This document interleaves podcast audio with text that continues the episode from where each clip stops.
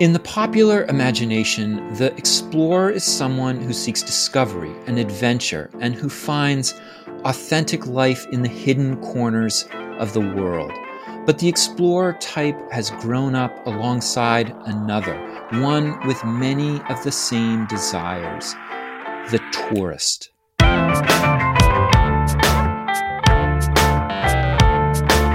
It's time to eat the dogs. I'm Michael Robinson. Today, Eric Zuelow talks about the origins of tourism from the European Grand Tour through the 20th century, where it has become, until the current pandemic at least, the largest service sector industry in the world. Zuelow is a professor of European history at the University of New England. He's the author of A History of Modern Tourism. Eric Zuelow, thank you so much for talking to me. It's good to be here. So, travel is a really old thing, but tourism, that is the pursuit of enjoyment, usually while traveling, is something that you argue emerges with the Grand Tour in Europe. I was wondering if you could talk about the Grand Tour a bit and talk about why it emerged when it did. Yeah, I mean, well, first of all, as with most things in scholarly history, there is debate there are examples of pre 18th century travel where people had a great deal of fun.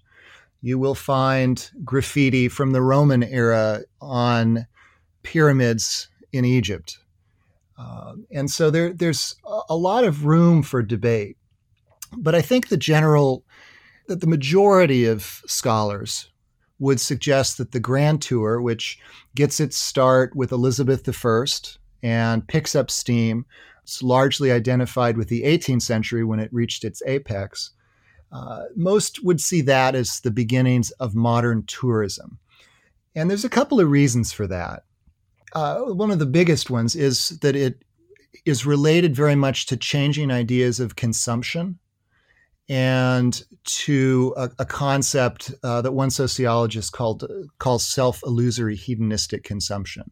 So the idea that you can identify yourself, you can define yourself through the things that you buy, or and tourism is certainly something that you buy. There were other changes as well uh, that motivated the the start of the Grand Tour. But I think it's that self illusory idea, that notion that you make yourself better by going someplace, by developing good taste, uh, by the things that you purchase while you're there. Uh, and then you can uh, engage in a kind of display. I think that's really essential. The other thing that develops at the same time, although not directly related to the Grand Tour, which was mostly urban, is a new set of ideas about the outdoors and the natural landscape and the implications that that landscape has for health. So, in other words, this, this is an idea called the sublime and the beautiful. The sublime are cliffs and raging cataracts and wild spaces, and beautiful or organized rolling green hills.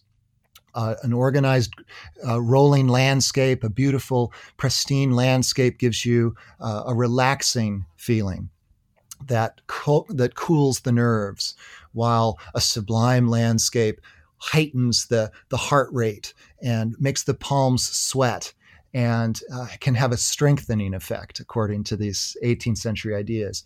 And so, what happens with modern tourism is that you get the self illusory thing on the grand tour side, and then on the other side, you get this uh, these new notions about landscape that affect kind of what people are going to ultimately want to see, particularly mountains and beaches. So, who was traveling on the Grand Tour, and what were some of the places uh, that they were going to? Yeah, so the Grand Tour uh, didn't have a, a particular prescribed route but most grand tours tended to take in some of the same places and those are big cities uh, like paris and particularly cities uh, in italy like florence and venice and rome.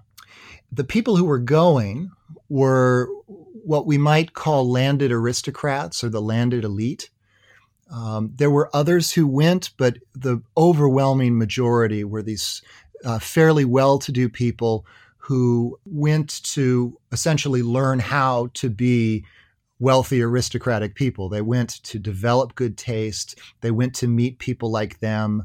Uh, they went to to learn about uh, to finish a classical education that they'd developed earlier and to see the places that were actually mentioned in the classics. One of the things that I really noticed in your book was that this kind of high level travel of the Grand Tour aristocrats does not look like high level travel that we see today, especially the types of things that these Grand Tour aristocrats uh, brought with them. I was wondering if you could talk about that. Oh, you mean in terms of packing light as we do today versus the way they packed? Yeah, that's right. Yeah. well, I mean, it gets to that kind of consumption idea, doesn't it? These these were people who were told to spend a lot, and they were told to pack a lot. So they would bring a lot of their own food, even though they were supposed to be developing a taste for something other than just English cooking. They were told to bring all kinds of changes of clothes. They were to bring uh, some guides that were heavy. They were uh, usually the the younger grand tourists brought a, a person with them who would actually act as a kind of instructor as well. They would frequently bring their own carriages you know, we we today would probably uh, elicit a certain awe in our friends if we managed to travel with a with a single backpack. Yeah, these are people who traveled with 21 uh, large trunks and more. Wow. Uh, you also talk about the importance of souvenirs on these grand tours, uh, especially paintings. I was wondering why paintings were so important for people returning back home. Yeah, I mean, I think there's a couple of reasons for that. One of them is that that's how people of taste express their taste. So, you know, again, getting back to consumption, if you wanted to show people that you had taste, you showed them that you had bought art that was of high quality by um, either well established artists or significant up and comers. And so that was that was a big part of it. But the other side of it uh, speaks to the content of a lot of the pictures that they bought. And they functioned in many ways as in the same manner that a postcard does today. So they depicted scenes and tourists looking at those scenes, little figures looking uh, at the the Colosseum, for example, or looking at a at a great piece of architecture that everyone with social cachet would have seen, and it was a kind of way of saying, "I saw this, I was there." So, in, a, in other words, a kind of expression of not only of consumption, but of uh, of actually having made the trek and crossing this place off the list. Yeah, I mean, you're consuming in a couple of ways. You're consuming the thing that you're buying, but you're also consuming the view. Hmm. And so this became a way of showing that you had consumed the view at the same time that you were buying the art. So it was kind of a twofer. Women also went on the Grand Tour along with young men. I was wondering if their experiences were different and whether there were different expectations for the women who were traveling. Yeah, I mean, so the, the overwhelming majority who went were young men. But we're learning more and more that uh, the the group of people who went is is larger than previously thought, and and women did make up a portion of that. They tended to go for a little bit different reasons. Uh, sometimes it was escaping from a bad situation at home. Sometimes it was a statement of independence. Uh, sometimes it was a, a kind of atypical desire to learn. And as I think well, I mean, it's a marker of the time period. There was a lot of ambivalence about this. Mm. Was it a good thing that women were doing this? Was it a bad thing? These are questions that men are asking, of course. And on the one hand, it might make the woman more worldly and therefore better able to have a conversation with her future husband. But on the other hand, who wanted a wife that was that smart? You know, these are disturbing questions to our to our ears now, but very much a part of the story then. And it speaks to something that's very interesting about the history of tourism. in many ways, it's often presented, and I think there's a lot of truth to this, as a kind of story of democratization. We start with the grand tour and largely elite males. And then as time goes along, as we move into the 19th century and then the later 19th century and into the 20th century, it's people from all social classes and both men and women who are making the trip. So these women who went on the grand tour were, uh, without knowing it, anticipating what was going to come down the pike and in some ways establishing a kind of beachhead uh, as they went. And it's really interesting and, and, certainly something that I hope more scholars will look into and really study the experiences these women had and the, the things that they saw and, and what differences there might have been in, in those experiences.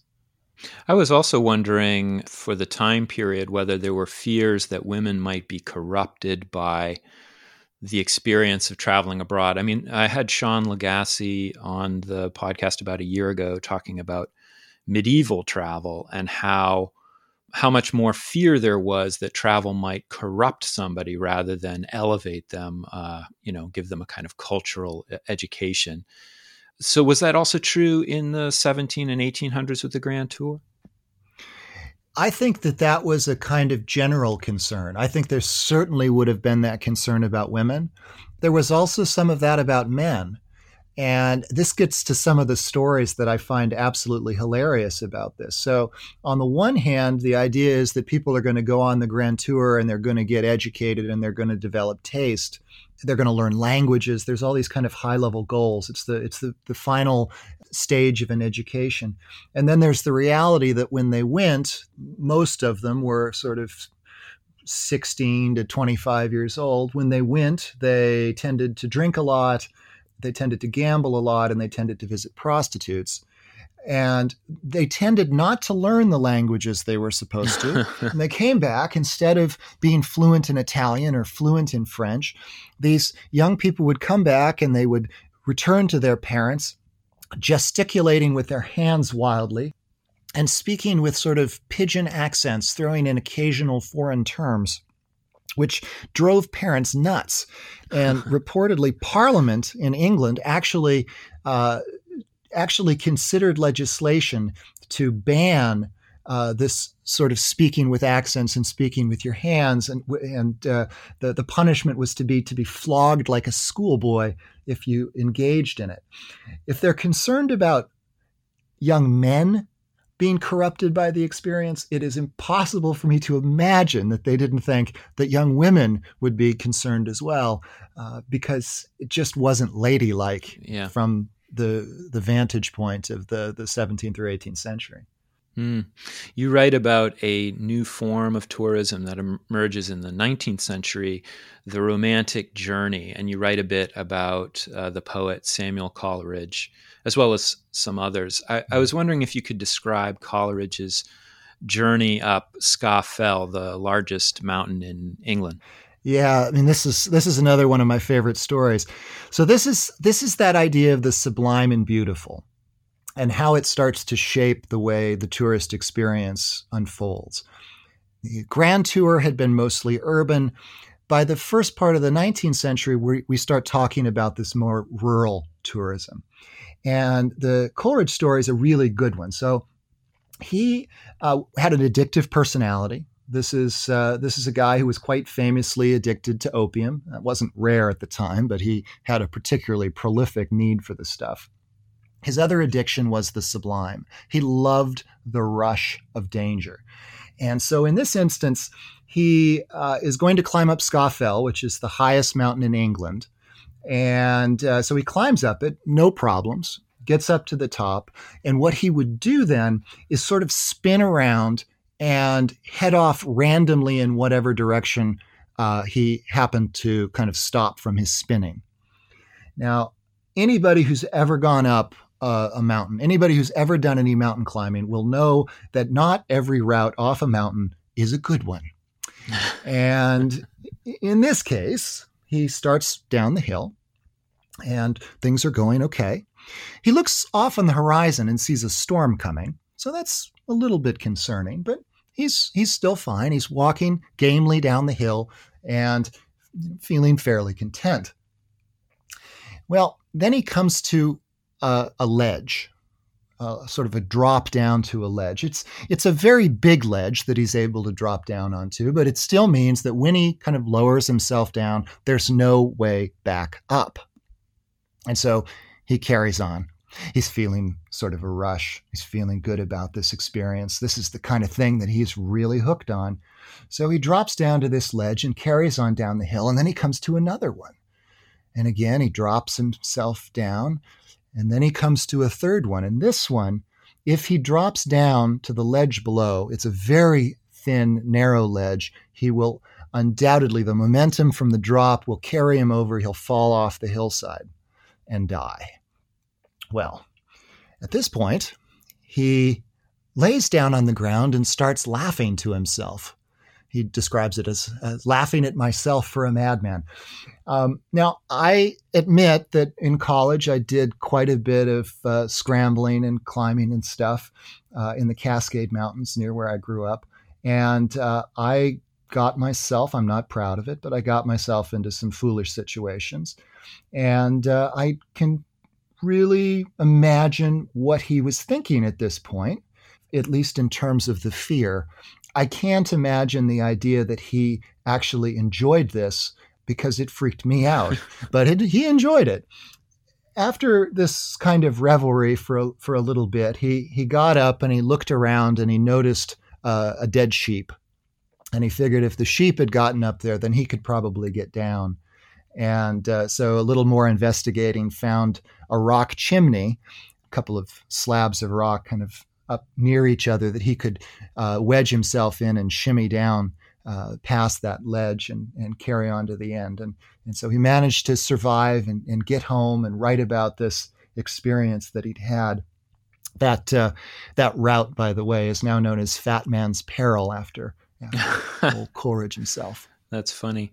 The other big type of travel that is happening simultaneously in the 19th century is travel with steam technology, such as steamships and railways, which I think are often written about, you know, in his, historical journals as a industrial or commercial technologies. But you argue that they radically transform leisure travel as well.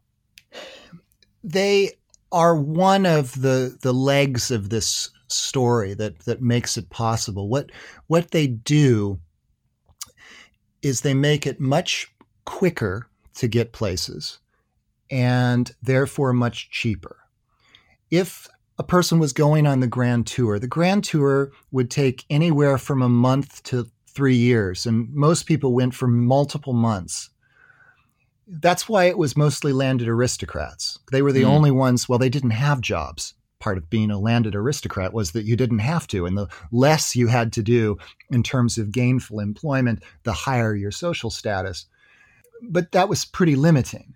So, what Steam did was it made it possible to travel reliably, travel on a schedule, know when you were going to leave, when you were going to get someplace, uh, or you were going to get to your destination, and to do it at speed. And so that facilitated, uh, I mean, I mentioned earlier that there's a kind of democratization narrative that goes along with a lot of tourism history. Yeah and this is this is that moment. This is the moment where suddenly working people can afford to go on long on a day trip or an overnight and middle class people can afford to go for uh, oh a week or two to Scotland for example or someplace like that. In fact you say to that point you say that the other form of travel that takes place in the 19th century or maybe it's combined actually with uh, these technologies but is the rise of package tours to spas and to the seaside. How does that affect tourism? Yeah, the thing about trains initially, particularly trains, steam steamboats as well, but particularly trains, is that when they debuted, they were loud, they, they were heavy, they they shook the ground, they inspired uh, an almost sublime reaction. People wanted to just go and see them, and so for there, there were a number of individuals who are responsible for kind of developing and making package tours into something tenable. But Thomas Cook is the one for whom we have the most records. And so he's the one who ends up getting a lot of the credit. What Cook did was he uh, he was a, a, very religious man. He he was a teetotaler. He was anxious to get people off of the demon drink, and so he had this idea that he would sell inexpensive tickets for a mass excursion, a mass train trip. hundreds of people would load onto this train, and they'd go to a temperance rally, and they'd listen to bands, and they'd listen to speeches, and then they'd come back. And so he sold these tickets, and huge numbers of people took the trip. They sold out almost immediately. And people lined the route just to see the train. Interesting. It was such wow. an exciting thing. So from that, he kind of developed this bug, this excitement for organizing things. And he started organizing more and more ambitious trips a trip to Wales to go to Snowdon, a trip to Scotland, going to Scotland was a very difficult thing to do mm. because there wasn't a, a, single train route up there. You had to take a combination of trains and steamships and carriage rides just to get up there. And then once you were in Scotland, you had to, there were no connecting train routes. So you would be on a train for a little while, then you'd be in some carriages, then you'd be on another train, and so on. So it was an organizational, well, I would say nightmare, but Cook thought it was fantastic. and from there, people got started to get excited about it. That first trip had some some snags, but people started to get excited about it and wanted to take trips and and gradually the number of offerings started to expand and pretty soon you could go pretty much everywhere in the world. By the end of the 19th century there were round the world trips you could you could take. There were trips to India, there were trips to uh, well, you name it. Uh, yeah, in fact, it was interesting that you talk about how um, how Egypt becomes this destination that really these package tours create the beginning of global tourism. And uh, I found it interesting again that you were talking about how in the 19th century, you know, Muhammad Ali, the ruler of Egypt, I usually think of him as a kind of an Ottoman governor, but you're saying, in fact, he was actually a huge promoter of tourism in, in Egypt. Why, why was Egypt so important? Well, so Egypt had a couple of advantages. First of all, there was a realization on the part of the government in Egypt that they could make money on tourism. And then there was a lot of infrastructure in place that allowed for a fairly easy organization of tourism. And the big piece of infrastructure that exists in Egypt that doesn't exist in a lot of other places is the Nile. Hmm. The same river that had made it possible for Egypt to be one of the places where the Neolithic Revolution happened allowed it for be, to be one of the places where tourism was able to really get a strong foothold. Huh. Because all the travel, all of the stuff that you wanted to see was was in fairly close proximity to the river. It was there were boats that were very easy, steamboats that would be very easily uh, engaged to go up and down it, and you could establish hotels and tourism centers along the way where people could could disembark. At the same time, there was also the colonial regime, which was really calling the shots in Egypt as well. And they were very interested in tourism as a way of uh, showing the benefits of empire, showing the benefits of the British regime. And so you have this kind of perfect storm of a need on the part of Egypt for revenue, on the part of colonial administrators to send a political message, and on the part of Cook to take advantage of uh, the infrastructure that was there to develop that further and to turn a profit. Mm. After um, after the First World War, you say that there are not only different kinds of tourism travel, but that in fact there are different cultures of tourism within fascist countries, uh, communist countries, and democratic countries. I was wondering if you could give an example of some of the differences between these different cultures of tourism. Sure. Uh, so let me let me start by saying that in some ways what interests me most here isn't the differences, it's the similarities. It's the fact that regardless of the ideology, there was a sense by the interwar years that tourism was a way to carry out politics that would benefit whatever ideology huh. it was The 20th century is kind of defined by the competition between three major political ideologies. So you have fascism, communism, and democracy. It's a, a, really useful way of looking at 20th century history, I think. And of course, there's profound differences between those ideologies. But again, all three of them thought that tourism was something worth promoting. So they did differ, not surprisingly. The communists differed probably the most. They were anxious in establishing a new form of tourism that was not bourgeois tourism. So they looked at fascism and capitalism or democracy uh, as kind of part and parcel. They, they, weren't, but they looked at them that way. And they wanted something that was a, a break from that, that would reflect the difference of the Soviet regime. Mm.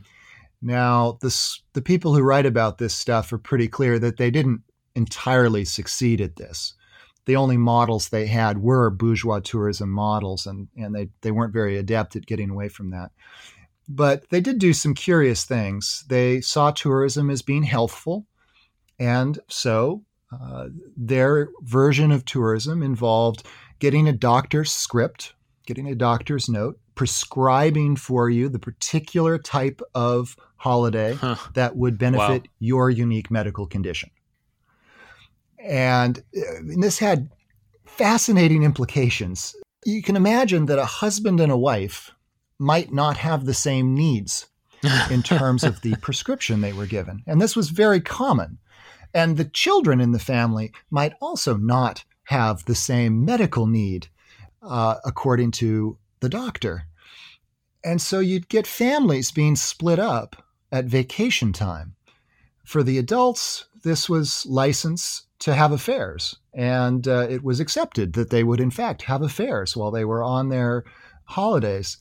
Um, wow. If you happen to be single and, and, and be prescribed to one of these places, uh, you were not desirable. Only if you were married, because then, you know, of course, uh, nobody would want anything after the relationship was or after the holiday was done. Um, but I find that kind of singularly bizarre. That's so interesting. Yeah.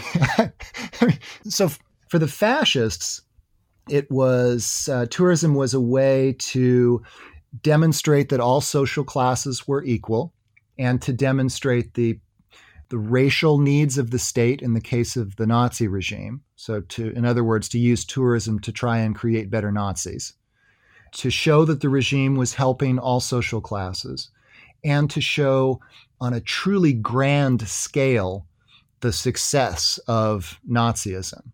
So the Nazis, the, their program is called Kraft durch Freude or Strength Through Joy. They uh, set about building a resort at Prora that would have, had it ever opened, the war intervened, would have been the largest tourist resort in history. It was an absolutely massive thing. They had two or three cruise ships that they would take people on with every cabin looking identical to the others offered cheap vacations to working class people. They used tourism to bolster particular parts of Germany that were economically disadvantaged in order to try and uh, build up the economy. All pretty interesting stuff. The the fact that they they did have a very racial message in a lot of what they did is kind of chilling, not surprising, I suppose, but chilling. And then in democratic regimes, they wanted to show that the free market could develop excellent tourist products that people could enjoy, thus showing the benefits of an open society. Uh, it depended a little bit on what country it was. They would certainly put some money into developing promotion and sites, but for the most part, it was about showcasing what the free market could do in developing uh, leisure that everyone would enjoy. You know, one thing I've noticed about travel both in or travel tourism, both in the guides that are written about it as well as the places that people go, is there's a kind of obsession with having an authentic experience. There's some value to authenticity that's attached to tourism that I don't think is the same in all other pursuits. In other words, it seems like it's really important that when you go to Venice, you see the real Venice and I was wondering why you think there's such a value placed on this, particularly in tourism. I mean, that's a really fabulous question and a really, really difficult one to answer.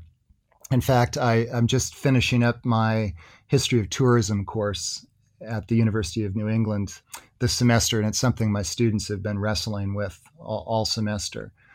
Uh, according to some scholars, authenticity and the pursuit of it is one of the central characteristics of tourism itself.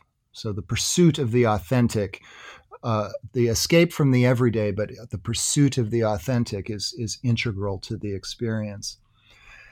I mean, some of it I think has to do with the fact that tourism is almost inherently political. And so you're you want to project an accurate vision of what it is that you're selling politically, if that makes any sense. Um, if in the United States, for example, we uh, we make the natural world a particularly large part of our identity and grand sites that other countries don't have, like the Grand Canyon or Niagara or uh, Yosemite or Yellowstone, something like that. Seeing these things, seeing the real thing is part of being an American.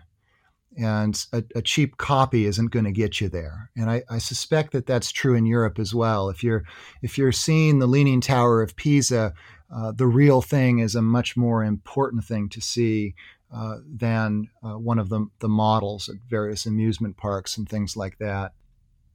So I think that's part of it.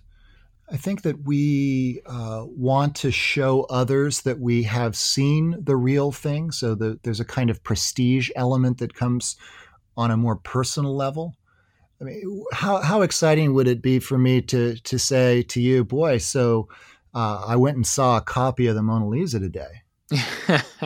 yeah. You're going to look at me like, you know, I, I'm not I'm not all there. So what? So you saw, you know, there's no prestige associated with that. But if I got on a plane and I were to fly off to Paris and to see the Mona Lisa in person, well, that's a different thing. I've suffered for it a little yeah. bit. Um, Almost like a mid- finding a medieval relic or something. Oh yeah, I mean it's it's like you're on a quest, uh, and and if you've successfully uh, completed that quest, there's there's something to that. Now, there's another side of this, and I and I'm not quite sure how to deal with. It's it, it's almost paradoxical to me, and that is that there is also a great deal of enjoyment that people get from things that are quite pointedly not authentic. Oh, interesting. Las Vegas or Disneyland are prime examples. You can go to Las Vegas and you can see the Eiffel Tower and you can see the New York skyline and the Statue of Liberty and you can see the canals of Venice and they're not real but there's something gained from it as well. And yeah. and so some some scholars suggest that authenticity is really the experience or, or at least now it's about the experience of being a tourist interesting. more than it is about the things that you see. And I think there's some truth to that. Um, it suggests that maybe authenticity is is a bit is historically contingent, uh, that the meanings may shift, and I think there's all kinds of room for interesting scholarship there, and interesting writing, and, and interesting philosophical discussions to be had, and, and so on. It's it's really a, an amazing, amazing question, an amazing concept. Yeah, Eric Zuelow, thank you so much for talking with me. Oh, it's been a pleasure. That's it for today. The music was composed by Zabrat. Make sure you check out the Time to Eat the Dogs website podcast links and other exploration related stuff. And if you get the chance, please take a minute to rate and review the show wherever you get your podcasts. It really helps make the show visible to new listeners. And if you want to recommend a guest or make a comment, feel free to contact me at time to eat the dogs, that's one word, lowercase, at gmail.com. See you next week.